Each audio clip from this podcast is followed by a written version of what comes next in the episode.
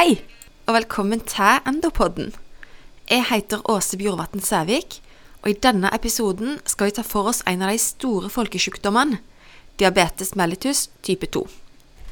Det vil bli særlig fokus på hva som skiller type 2-diabetes fra type 1-diabetes når det gjelder patofysiologi, symptom og tegn og behandlinger.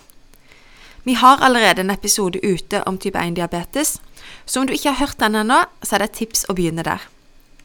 Men før vi går ordentlig i gang, vil jeg utfordre deg med et spørsmål. Vi starta med å si at type 2-diabetes er en folkesykdom. Men hvor mange er det egentlig som har det her til lands? Da begynner vi. Som navnet tilsier, så er det noen klare fellestrekk mellom type 2 og type 1-diabetes. I begge tilfellene er problemet at glukosen blir værende i blodet i stedet for å gå inn i cellene. Men årsaker til dette er vidt forskjellig. Ved type 1-diabetes er det en absolutt mangel på insulin, fordi de insulinproduserende betacellene i bukspyttkjertelen er ødelagt som følge av et autoimmunt angrep. Men ved type 2-diabetes er bildet noe mer komplisert, og en kan i større grad redusere risikoen sjøl gjennom sunn livsstil, som fysisk aktivitet, variert kosthold og være normalvektig. Men det er likevel ikke så enkelt at alle personer med type 2-diabetes lever usunt. For å illustrere hva jeg mener med det, vil jeg presentere det for herr og fru Olsen.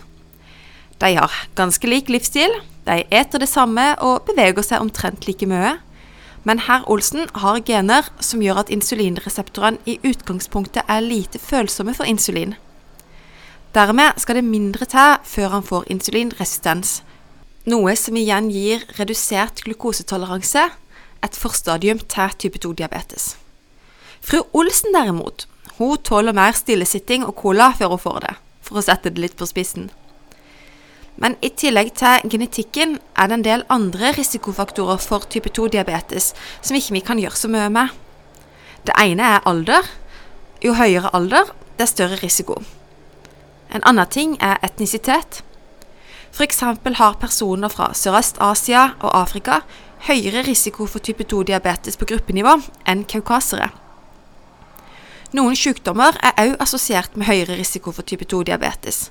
Det kan være hjerte-karsykdom, høyt blodtrykk, metabolsk syndrom, men også PCOS, eller polycystisk ovariesyndrom, og alvorlig psykiatrisk sykdom.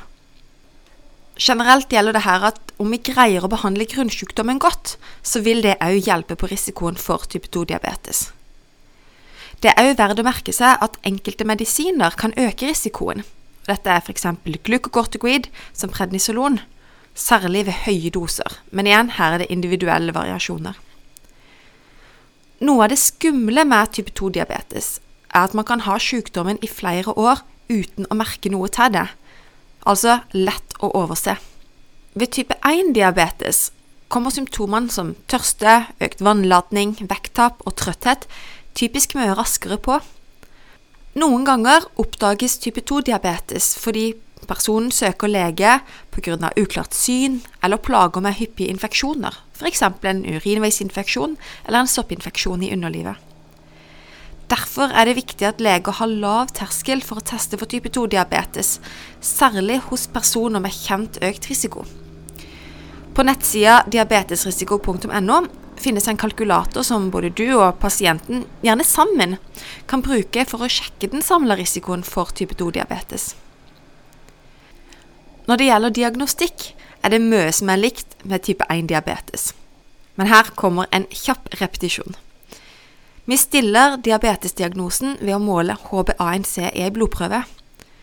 HbA1c gir et mål på den gjennomsnittlige blodsukkerverdien de siste to-tre månedene, og en HbA1c-verdi over eller lik 48 millimol per mol betyr diabetes.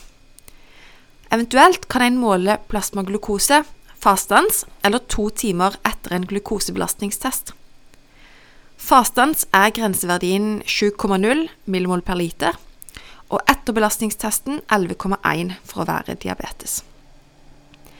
Men selv om man med blodprøver kan få diagnosen diabetes, så sier det ingenting om det er type 1 eller type 2. Særlig hos slanke personer kan det være vanskelig å skille disse to variantene, Og her kan måling av antistoff og eventuelt C-peptid være til god hjelp i vurderinga. Som alltid er det viktig med ei grundig klinisk undersøkelse. Og dette inkluderer undersøkelse av sensibilitet og sirkulasjon i føttene. I motsetning til ved type 1-diabetes skal pasienter med type 2-diabetes henvises til øyelege allerede ved diagnosetidspunktet. Behandlinga av type 2-diabetes er et omfattende kapittel. Det inkluderer alltid livsstilstiltak, men ikke sjelden er det òg nødvendig med medisiner.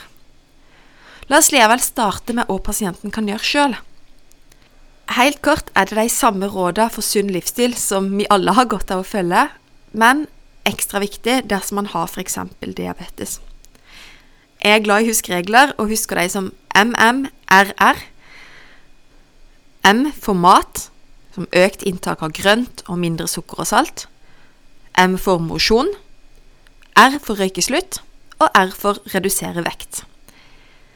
Dersom en ikke får god nok kontroll på blodsukkeret med livsstilstiltak, er det nødvendig å legge til medisiner. Men forresten, hva mener jeg med god nok kontroll? Jo, vi ser på HbA1c. Hvorfor? Mye god forskning viser at HbA1c-verdien er assosiert med risikoen for å få komplikasjoner av diabetessykdommen. Og dette gjelder særlig for småkarskomplikasjoner som retinopati, nefropati og nevropati. For de fleste pasientene vil behandlingsmålet være å få HbA1c ned til omkring 53 millimol per mol. Dersom du syns at den medikamentelle behandlinga av diabetes er omfattende og vanskelig å få oversikt på, så kan jeg trøste deg med at du ikke er alene. Men her skal du få kortversjonen. Førstevalget av medisiner er metformin. Dersom ikke metformin er tilstrekkelig for å få kontroll, kan man legge til ett eller flere andre medisiner. Og Det er en overveldende jungel av alternativer, og jeg vil kort nevne hovedgruppene her. Vi har SGLT2-hemmere, GLP1-analoger, DPP4-hemmere og sulfonylurea. Dersom pasienten har hjerte-karsykdom, legger vi gjerne til SGLT2-hemmer eller en GLP1-analog. Og Disse kan òg være gunstige hos pasienter med noe redusert nyrefunksjon, i alle fall så lenge EGFR holder seg over 30. Hos pasienter med overvekt må vi særlig vurdere GLP1-analoger, da vi vet at denne kan hjelpe med å få vekta ned noe. Men om en ikke kommer i mål med flere tabletter, er neste steg insulin. Og Vanligvis beholder vi da tablettene pasientene bruker allerede, for da slipper en gjerne unna med en litt lavere insulindose. Eneste er om pasienten bruker sulfonylurea. For både sulfonylurea og insulin er assosiert med økt risiko for hypoglykemi, og derfor er det en dårlig idé å kombinere disse. Som regel starter en opp med en lav kveldsdose med middels langtidsverkende insulin. Og I begynnelsen er det viktig å måle fastens blodsukker hver morgen, og dette bruker vi til å justere insulindosen. Men etter hvert kan det bli behov for mer avanserte insulinregimer. Pga. den økte risikoen for hjerte-karsykdom ved diabetes har vi lavere terskel for å starte med medisiner for å senke kolesterolet og blodtrykket. Kolesterolsenkende behandling med statiner er aktuelt som forebyggende behandling til alle pasienter med type 2-diabetes som er mellom 40 og 80 år, og der LDL-kolesterolet er over 2,5 millimol per liter, eller hvis totalrisikoen for hjerte-karsykdom er høy. Det er indikasjon for blodtrykkssenkende behandling når blodtrykket er over 140 over 90 mm kvikksølv. Og her er gjerne førstevalget ACE-hemmere eller A2-blokkere.